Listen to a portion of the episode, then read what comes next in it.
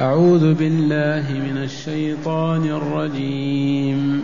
كذبت قبلهم قوم نوح وأصحاب الرس وثمود وعاد وفرعون وإخوان لوط وأصحاب الأيكة وقوم تبع كل كذب الرسل فحق وعيد. أفعينا بالخلق الأول بل هم في لبس من خلق جديد. أحسنت. معاشر المستمعين والمستمعات من المؤمنين والمؤمنات. نبي الله ورسوله ومصطفاه صلى الله عليه وسلم عند نزول هذه الصورة وهذه الآيات كان يعاني يعاني ما لا يطاق من كفار مكة ومشركيها. وهم يكذبون برسالته وينكرون توحيد الله ولا يفعلونه. يكذبون بالبعث الآخر ولا يؤمنون به. ثم يقولون إنه ساحر وشاعر ومجنون و من يطيق هذا لولا أن الله قواه وأقدره وأهانه؟ وها هو تعالى ينزل هذه الآيات ليخفف ألمه ليخفف ما يصيبه من ألم وعيا وتعب. فيقول له كذبت قبلهم قوم نوح. كذبت قبل قومك يا رسول الله من المشركين في مكة وغيرها. كذبت قبلهم قوم نوح فكذبوا رسول الله نوحا وكذبوا بالبعث الآخر وكذبوا بالشرع الذي جاء به. وهذا هو الواقع. فاصبر أنت على تكذيب قومك ولا تتألم ولا تقطع دعوتك واثبت عليها كما ثبت من قبلك من أنبياء الله ورسله. نوح كذبت قبلهم قوم نوح. أنزل الله تعالى أحداث نوح في كثير من الصور وأنزل صورة كاملة تسمى صورة نوح. إنا أرسلنا نوحا إلى قومه أن أنذر قومك من قبل أن يأتيهم عذاب أليم. قال يا قوم إني لكم نذير مبين. أن اعبدوا الله واتقوه واطيعون. يغفر لكم من ذنوبكم ويؤخركم إلى أجل مسمى. إن أجل الله إذا جاء لا يؤخر لكم تعلمون. في دعوة حتى قالوا لا تذرن آلهتكم ولا تذرن ودا ولا سواع ولا يغوث ويعوق ونصرا. وأخيرا رفع يديه إلى ربي وقال ربي ربي أنزل بهم عذابك ونقمتك فأهلكهم الله. نوح مكث ألف سنة إلا خمسين عاما وهو يدعو إلى عبادة الله وحده. والقوم مصرون على عبادة هذه الخمسة يغوث ويعوق ود وسواع ونسر. وهؤلاء الخمسة كانوا أولياء الله عابدين صالحين أيام العلم والطاعة والمعرفة. فلما ماتوا وقل العلم قال أهل البلاد نضع على قبورهم تماثيل تذكرنا بهم إذا رأيناهم. فوضعوا تماثيل على قبورهم. مات ذلك الجيل جاء الجيل الثاني فقالوا هذه آلهتنا. فعبدوهم فبعث الله تعالى إليهم عبده ورسول نوحا وناداهم يا قوم اعبدوا الله ما لكم من إله غيره. وجهر بالدعوة وأسر بها وقال في الليل والنهار وما آمن معه إلا نيف وثمانون نسمة. لم يستجب لدعوته أكثر من ثمانين نسمة ما بين ذكر وأنثى. فلبث فيهم ألف سنة إلا خمسين عاما فأخذهم الطوفان وهم ظالمون فأنجيناه أصحاب السفينة وجعلناهم آية للعالمين. ثم قال تعالى كذبت قوم نوح وأصحاب الرس. وأصحاب الرس. الرس بئر. كان هذا البير فيه تماثيل يعبده أهل المنطقة أو القرية فلما نهاهم رسول الله إليهم وندد بهم وبين لهم الحق غضبوا عليه فدفنوه في البئر. فالرس هم أصحاب الرس والعياذ بالله.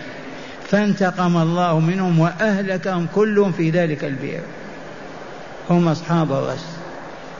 لما قاوموا التوحيد وما رضوا بأن يعبد الله وحده وما رضوا بأن يطيعوا رسولهم ليعبدوا الله بما يشرع لهم وتكبروا وتعجبوا إذا أتاهم عذاب الله فأهلكهم عن آخرهم. هؤلاء هم أصحاب الرس والرس البئر. ثم قال تعالى وثمود. قرأنا الليل سمعنا صوت الشمس وضحاها. كذبت ثمود بطغواها والطغوى والطغيان واحد. المال والعتو والكبر كذبت ثمود بسبب طغواها. إذ انبعث أشقاها وهو غدار بن سالف العياذ بالله الذي عقر الناقة وقتلها. فقال لهم رسول الله ناقة الله وسقياها.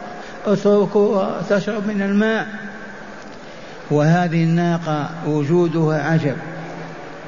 إذ قالوا له إن كنت صادقا في أنك رسول الله ونحن مخطئون ومشركون فادع لنا ربك يخرج لنا ناقة من هذا الجبل. فقام هود صالح عليه السلام يصلي ويدعو حتى انفلق الجبل فلقتين وخرجت الناقة منه. كأجمل ما تكون. ولا نظير لها. فكانت آية عجب. ناقة الله. ثانيا قال لهم هذا النهر أو هذا الماء الذي تستقون منه تستسقون منه يوم للناقة ويوم لكم. آية من آيات الله. الناقة تشرب ذلك الماء يوما كاملا ويتحول كل إلى لبن. فيحلبون ما شاء أن يحلبون. يوم للناقة تشرب الماء الذي في ذلك البير أو السيل أو الوادي. اليوم الثاني يتحول إلى لبن. فياتي النساء والرجال والخدم يحلبون يحلبون اللبن ويعودون به إلى بلادهم. ومع هذا قالوا هيا نعقر هذه الناقة وننظر ماذا يحصل. فعقروا الناقة. قتلوها. والغريب أن هذا غدار بن سالف عليه لعائن الله كان يمر بالواحد والاثنين والقرية والأسرة. نريد أن نعقر الناقة. توافقون؟ فأخذ موافقتهم أجمعين. إلا من نجى الله ممن مع صالح عليه السلام. فأتاهم عذاب الله الكامل. ثلاثة أيام اليوم الأول جلسوا على الركب اليوم الثاني اسودت وجوههم. اليوم الثالث نزلت بهم صاعقة صعقة فخرجت أرواحهم. فأخذتهم وهم ينظرون. فما استطاعوا من قيام وما كانوا منتصرين. ثلاثة أيام رجالهم نساءهم ماكثون على ركبهم جاثمين لا حركة. اليوم الثالث أو الرابع كانت الصاعقة فماتوا عن آخرهم. ثمود هؤلاء ديارهم وراءنا منازل صالح ثمود موجودة مدائن صالح. والأصل فيهم نزحوا من عد من نزحوا من من اليمن غرب اليمن من بلاد عاد. ببلاد عاد. لما نجوا من العذاب ونجاهم الله نزحوا فنزلوا بهذه الأرض وعمروها وأصبحوا أمة بعد قرون أمة كبيرة. فأرسل الله تعالى إليهم صالحا بعدما فسدوا في عقائدهم وأخلاقهم وآدابهم ليهديهم ويصلحهم. ما استجابوا وتعاونوا على الشر فأهلكهم الله. وعاد ديار عاد. الجنوب حضر موت إلى عمان. ديار لم ترى الدنيا أقوى من تلك الأمة في ذلك الوقت. واذكروا لذلك قول الله تعالى ألم تر كيف فعل ربك بعاد؟ إرم ذات العماد التي لم يخلق مثلها في البلاد. وكان طول أحدهم ستين ذراعا. أطول الناس. كأنهم أولاد آدم قريبين منه. لأن آدم طوله ستون ذراعا وبعث الله إليهم نبيه هودا صلى الله عليه وآله وسلم. فدعاهم إلى أن يعبدوا الله وحده. إلى أن يتركوا عبادة الأصنام والأوثان. وأن يتقربوا إلى الله بصالح الأعمال. فأصروا على الشرك والكفر والعناد والفسق والفجور والظلم والفساد. إذا فما كان إلا أن أرسل الله تعالى ريحا عاصفة دامت سبع أيام وثل... سبع ليال وثمانية أيام. سبع ليالي وثمانية أيام عاصفة حتى إن عجوزا لجأت إلى جحر غار في جبل لتنجو وإذا بريح تدور هكذا في الجبل وتخرجها وتصرعها. وهذا اليوم ما زال العرب يسمون يوم العجوز قرة العجوز إلى الآن توارثه الآباء والأبناء قرة العجوز. ما نجا منهم إلا هود ومن معه من المؤمنين ونزلوا بمكة وبعضهم ذهبوا كما قلنا إلى الشمال. هذه عاد كذبت عاد المرسلين إذ قال أخوهم هود ألا تتقون. وقال تعالى كذبت عاد إذ قال أخوهم هود إني لكم رسول أمين فاتقوا الله وأطيعون. وما أسألك عليه من أجل إلى رب العالمين. أتبنون بكل ريع آية تعبثون وتتخذون مصانع لعلكم تخلدون. وإذا بطشتم بطشتم جبارين فاتقوا الله وأطيعون. الآيات فما استجابوا. فأهلكهم الله عن آخرهم. بماذا؟ بريح عاصف. مزقتهم هلكتهم. قال تعالى وعاد وفرعون. فرعون هذا طاغية من الطغاة في مصر مع الأقباط. وأرسل الله تعالى إليه نبيه ورسوله موسى عليه السلام. ودعاه إلى أن يعبد الله عز وجل ويوحده وإلى أن يترك بني إسرائيل يعودون معه إلى القدس. فأصر فرعون على الكفر والعناد وتبجح وقال أنا ربكم الأعلى وتبجح وقال ما علمت لكم إله غيري. وفعل العجب. وعاش موسى زمنا يدعوه ويدعو قومه. وأخيرا خرج مع بني إسرائيل في طريقهم إلى أرض القدس وكان بينهم البحر الأحمر. فماذا فعلوا؟ أمر الله تعالى موسى أن يضرب البحر بعصاه. بسم الله الله أكبر. فانفلق البحر فلقتين. أصبح طرق كل قبيلة تدخل في طريق تمشي في طريق. علم ذلك فرعون فنادى في رجاله وعسكره فخرج في مئة ألف. خرجوا في مئة ألف. وتعجبوا كيف دخل بنو إسرائيل البحر وخرجوا. لما نجا بنو إسرائيل آخر واحد منهم دخل فرعون برجاله بجيشه. لما توسطوا البحر أطبقه الله عليهم فأغرقهم أجمعين. والله ما نجا لا فرعون ولا من معه. إلا أن فرعون بقي على سطح الماء لحكمة إلهية. ما دخل تحت الأرض في البحر بقي فوق. ليعرف الناس أنه ميت ما هو حي إذ بنو إسرائيل من خوفهم وشدة فزعهم لو قالوا مات ما يصدقونه أين هو؟ لا بد يأتينا ويعذبنا فمكث على سطح البحر مدة. وذكر تعالى هذا في سورة يونس.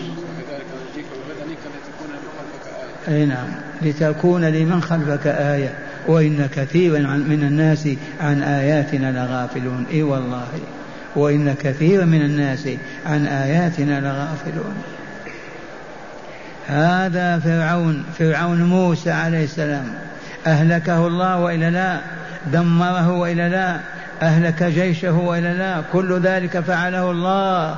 الله رب العالمين إله الأولين والآخرين الذي بعث محمد صلى الله عليه وسلم وأرسله إلى العالمين. والمشركون يسمعون هذا ولا يبكون ولا يتألمون ولا يتعظون لقساوة قلوبهم والعياذ بالله تعالى. وإخوان لوط إخوان لوط هذه الأخوة وطنية ما هم إخوان في الدين ولا في الجنسية لأن لوط عليه السلام من من العراق وهم في الأردن في البحر الميت. فهذه الأخوة وطنية أخوهم في الوطن فقط. أما الدين فلا أما في الجنس فلا ليس منهم. وإخوان لوط من هؤلاء؟ هؤلاء زين لهم الشيطان اللواط وحسنه لهم. فكانوا والله في ناديهم يشربون ويأكلون ويضحكون ويعلو بعضهم على أخيه وينزح ويطأه. والعياذ بالله. ويضحكون. واعتبروا هذا من متاع الحياة الدنيا وزينتها. فبعث الله تعالى إليهم رسوله لوطا عليه السلام. جاء مع عمه إبراهيم من أرض أرض بابل من العراق وجاء إلى وبعثه الله إلى أرض لوط.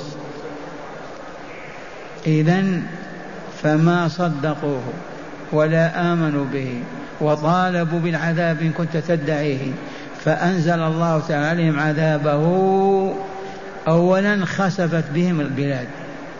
ثانيا الذين كانوا خارج البلاد أنزل الله عليهم الحجارة من السماء فأهلكتهم عن آخرهم كذبت قوم لوط المرسلين إذ قال لهم أخوهم لوط ألا تتقون؟ إني لكم رسول أمين فاتقوا الله وأطيعون. وما أسألك عليه من أجل أجل على رب العالمين. أتأتون الذكران من العالمين؟ وتذرون ما خلق لكم ربكم من أزواجكم؟ بل أنتم قوم عادون. قالوا لئن لم تنته يا لوط لتكونن من المخرجين. قال إني لعملكم من القالين. رب نجني وأهلي مما يعملون فنجيناه أجمعين إلا عجوز في الغابرين ثم دمرنا الآخرين. هذه العجوز إحدى امرأتيه. إحدى امرأتيه كانت عجوز كافرة فاسقة ما أنا ما آمنت ولا تابت وكانت تساعد على اللواط وتعين عليه. أما الثانية فهي مؤمنة طاهرة نجاها الله مع ابنته له ابنتان وامرأة فقط. والباقون أهلكهم الله. كذبت قوم لوط المرسلين. قال تعالى هنا وقوى إخوان لوط. هذه الأخوة ليست دينية ولا إنسانية بشرية. إخوة أخوة وطنية بلدية. لأنه كان معهم. قال وأصحاب الأيكة. الأيكة الغض من الشجر شجر السدر وغيره مجموعة من الأشجار فيها ثمار فعبدوها ووضعوا تحتها أصنام وأحجار وأخذوا يتبركون بها ويعبدونها. لما مات العلماء وانقرضوا وهم قريبون من ديار مدين فبعث الله تعالى إليهم مدين شعيب عليه السلام. فشعيب نبي أرسله الله إلى إلى أهل المؤتفكة وإلى أهل مدين إلى الأيكة وإلى أهل مدين إذا فهؤلاء لما لم يستجيبوا أهلكهم الله ما نجا منهم أحد. أصحاب الغيظة هذه الأشجار الملتفة يعبدونها ويتبركون بها. وسبحان الله لما مات العلماء وانطفأ نور العلم في أكثر بلاد المسلمين عبدت الأشجار كما عبدت على عهد شعيب. الشجرة يعبدونها يتبركون بها يطوفون حولها حتى في المدينة. والعياذ بالله. ولا عجب لأن الإنسان هو الإنسان والشيطان هو الشيطان. الإنسان إذا لم تستنر روحه وتتعظ نفسه أعمى وضال يضحك به الشيطان ويرميه إلى بعد شيء. والشيطان هذه مهمته. يريد أن يصرف الناس عن عبادة الله ليهلكوا في الدنيا والآخرة. ما يريد الشيطان أن يسعد إنسان أبدا لأنه شقي بسبب الإنسان. فهو يرى أنه يواصل دعوته إلى الموت. فعبدت في البلاد المسلمين الأشجار والنخيل. والقباب والقبور وقل ما شئت. لكن ذلك متى؟ لما انقطع العلم ومات العلماء. تجد بلد ما في عالم ولا يعرفون عالما أبدا من قرن كامل. كيف يبقى النور فيه؟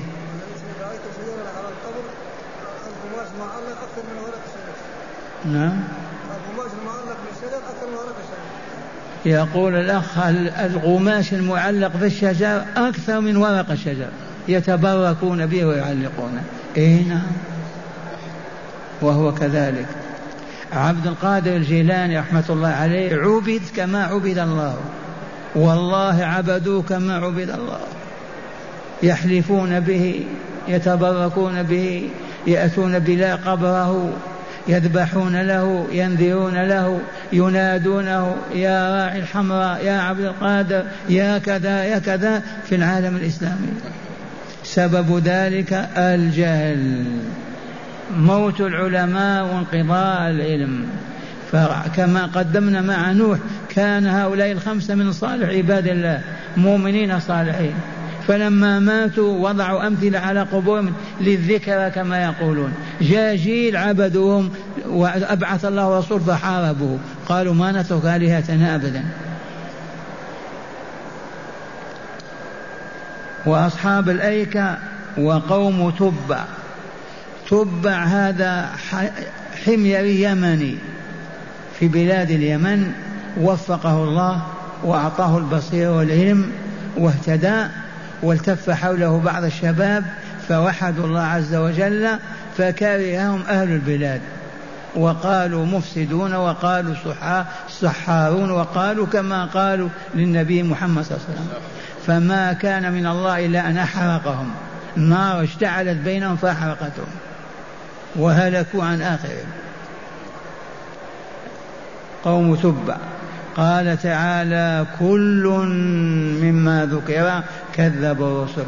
لا تحزن يا محمد ولا تكرب ولا تتألم. كل الذين ذكرناهم من نوح إلى قوم تبع أمم. كل ذلك مضى وأهلكناهم بكفرهم وفسقهم وفجورهم. فلا تعجب ولا تضحك ولا تبكي ولا تتألم واصل دعوتك واصبر عليها. كل كذب الرسل فحق وعيد. الرسل جمع رسول. وقد علمتم أن كل رسول نبي وليس كل نبي رسولا. إذ النبي يرسله الله إلى قوم يسمى رسولا بالكتاب والعلم والنبي في بلده. فإن أرسله الله أصبح رسولا. كل كذب الرسل فحق وجب وعيد بعذابهم فأهلكتهم. عن آخرهم. من قوم نوح إلى قوم تبع. أمم. وأنتم أيها المشركون هكذا يقول لهم إما أن تسلموا وإما أن ينزل بكم ما نزل بالأمم قبلكم. لأن في هذا موعظة عجيبة لهم وبذلك أسلموا ودخلوا في الإسلام. فحق وعيد. ثم قال تعالى أفعينا بالخلق الأول؟ لا والله. خلق الله السماوات والأراضين خلق الله الملائكة خلق الله الجن خلق الله الإنس خلق الله الحيوان. فهل عجز عي تعب يعني؟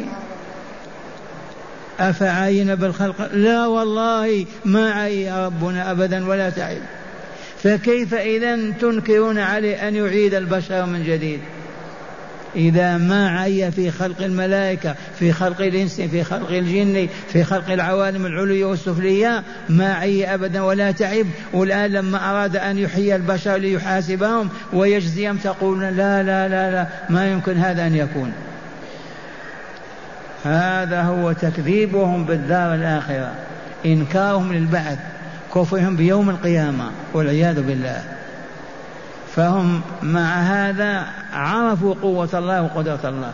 ولكن ما استساغوا أن يحيي الله الناس بعدما يصبحون عظاما نخرة وترابا ورمالا قال تعالى أفعينا بالخلق الأول؟ لا لا والله. بل هم في لبس من خلق جديد. يوقنون موقنون أن الله على كل شيء قدير ولكن اللبس الذي في قلوب اختلاطه كيف يحيي العظام؟ ما استساغوا. لو عرفوا أن الله يقول شيء كن فيكون يكون ما يحتاج إلى هذا. ولكن الشياطين زينت لهم هذا الكفر فكذبوا بالبعث الآخر. والذي يكذب بالبعث الآخر من الإنس والجن لا يستقيم على دين أبدا ولا يعبد الله. ولا يوثق فيه في شيء. الذي يكذب بيوم القيامة وما يجري فيه من جزاء وحساب على العمل في الدنيا هذا شخص شر الخليقة شر من القردة والخنازير قال تعالى أولئك هم شر البريئة أي الخليقة الذين كفروا وكذبوا. مرة ثانية أبناء الإسلام عقيدة البعث الآخر من أقوى وأعظم العقائد المؤثرة في الحياة. فاقدها هلك. فلهذا يجب أن نقويها ومن تقويتها نذهب إلى الباقي وننظر إخواننا. أين هم؟ كانوا وكانوا ماتوا. إذا هناك بعث آخر للحساب على عملنا في الدنيا هذه. وهذه الحقيقة التي نكررها. علة هذه الحياة وسر وجودها أن نعبد الله فيها. والله العظيم. وعلة الحياة الثانية وسر وجودها الجزاء على العمل في هذه الدنيا. هما داران. أليس كذلك؟ حياتان. أليس كذلك؟ هذه للعمل. وقد يكون إيمانا وعملا صالحا وقد يكون كفرا وشركا وعملا فاسدا. وتلك لمن؟ للجزاء. أهل الإيمان والعمل الصالح أصحاب الأرواح الزكية والنفوس الطيبة الطاهرة يدخلون الجنة دار النعيم. وأصحاب النفوس الخبيثة العافنة المنتنة بالشرك والكفر يدخلون دار الوباء الجحيم. بل قال تعالى أفعين بالخلق الأول؟ بل هم في لبس من خلق جديد. أي ما عجزوا أن يدركوا أن قادر ولكن قالوا كيف يحيي هذا العظام وكيف وكيف؟ فكذبوا بالبعث الآخر والعياذ بالله. مع هداية الآيات. بسم الله والصلاة والسلام على رسول الله. من هداية الآيات تعزية الرسول صلى الله عليه وسلم وتسليته بإعلامه بأن قومه ليسوا أول من كذب الرسل. من هداية الآيات التي تدارسناها أول هداية تعزية الرسول صلى الله عليه وسلم وتسليته ليصبر على دعوته ولا يتألم إذ عرض عليه أمما ورسلا كذبهم قومهم فأهلكهم الله. ففيها التسلية للرسول صلى الله عليه وسلم. اثنين تهديد المصرين على التكذيب من كفار قريش بالعذاب إذ ليسوا بأفضل من غيرهم. من هداية الآيات تهديد المشركين وتخويفهم بعذاب الله إذ عرض عليهم أمما هلكت بسبب كذبهم وكفرهم وتكذيبهم لرسولهم. فينبغي أن يذكروا هذا حتى يؤمنوا ويسلموا. وبذلك دخلوا في الإسلام. ثالثا تقرير البعث والجزاء والجزاء. ثالثا تقرير البعث والجزاء. من هداية هذه الآيات تقرير الحياة الثانية والجزاء الكامل فيها على العمل في هذه الدنيا. إن كان عملا صالحا فالجنة الجزاء وإن كان عملا فاسدا فالنار هي الجزاء. رابعا وأخيرا ضعف ادراك المنكرين للبعث لظلمه نفوسهم بالشرك والمعاصي. نعم. ضعف ادراك المنكرين للبعث. ضعف ادراك المنكرين للبعث. نعم. المشركون ضعفوا في إدراك البعث ما أطاقوه.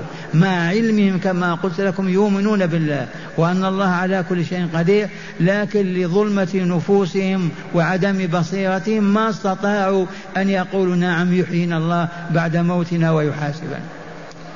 دل عليه قوله تعالى آخر الآية أفعينا بالخلق الأول. بل عين بل هم في لبس من خلق جديد. بل هم في لبس وخلط من الخلق الجديد الحياة الثانية.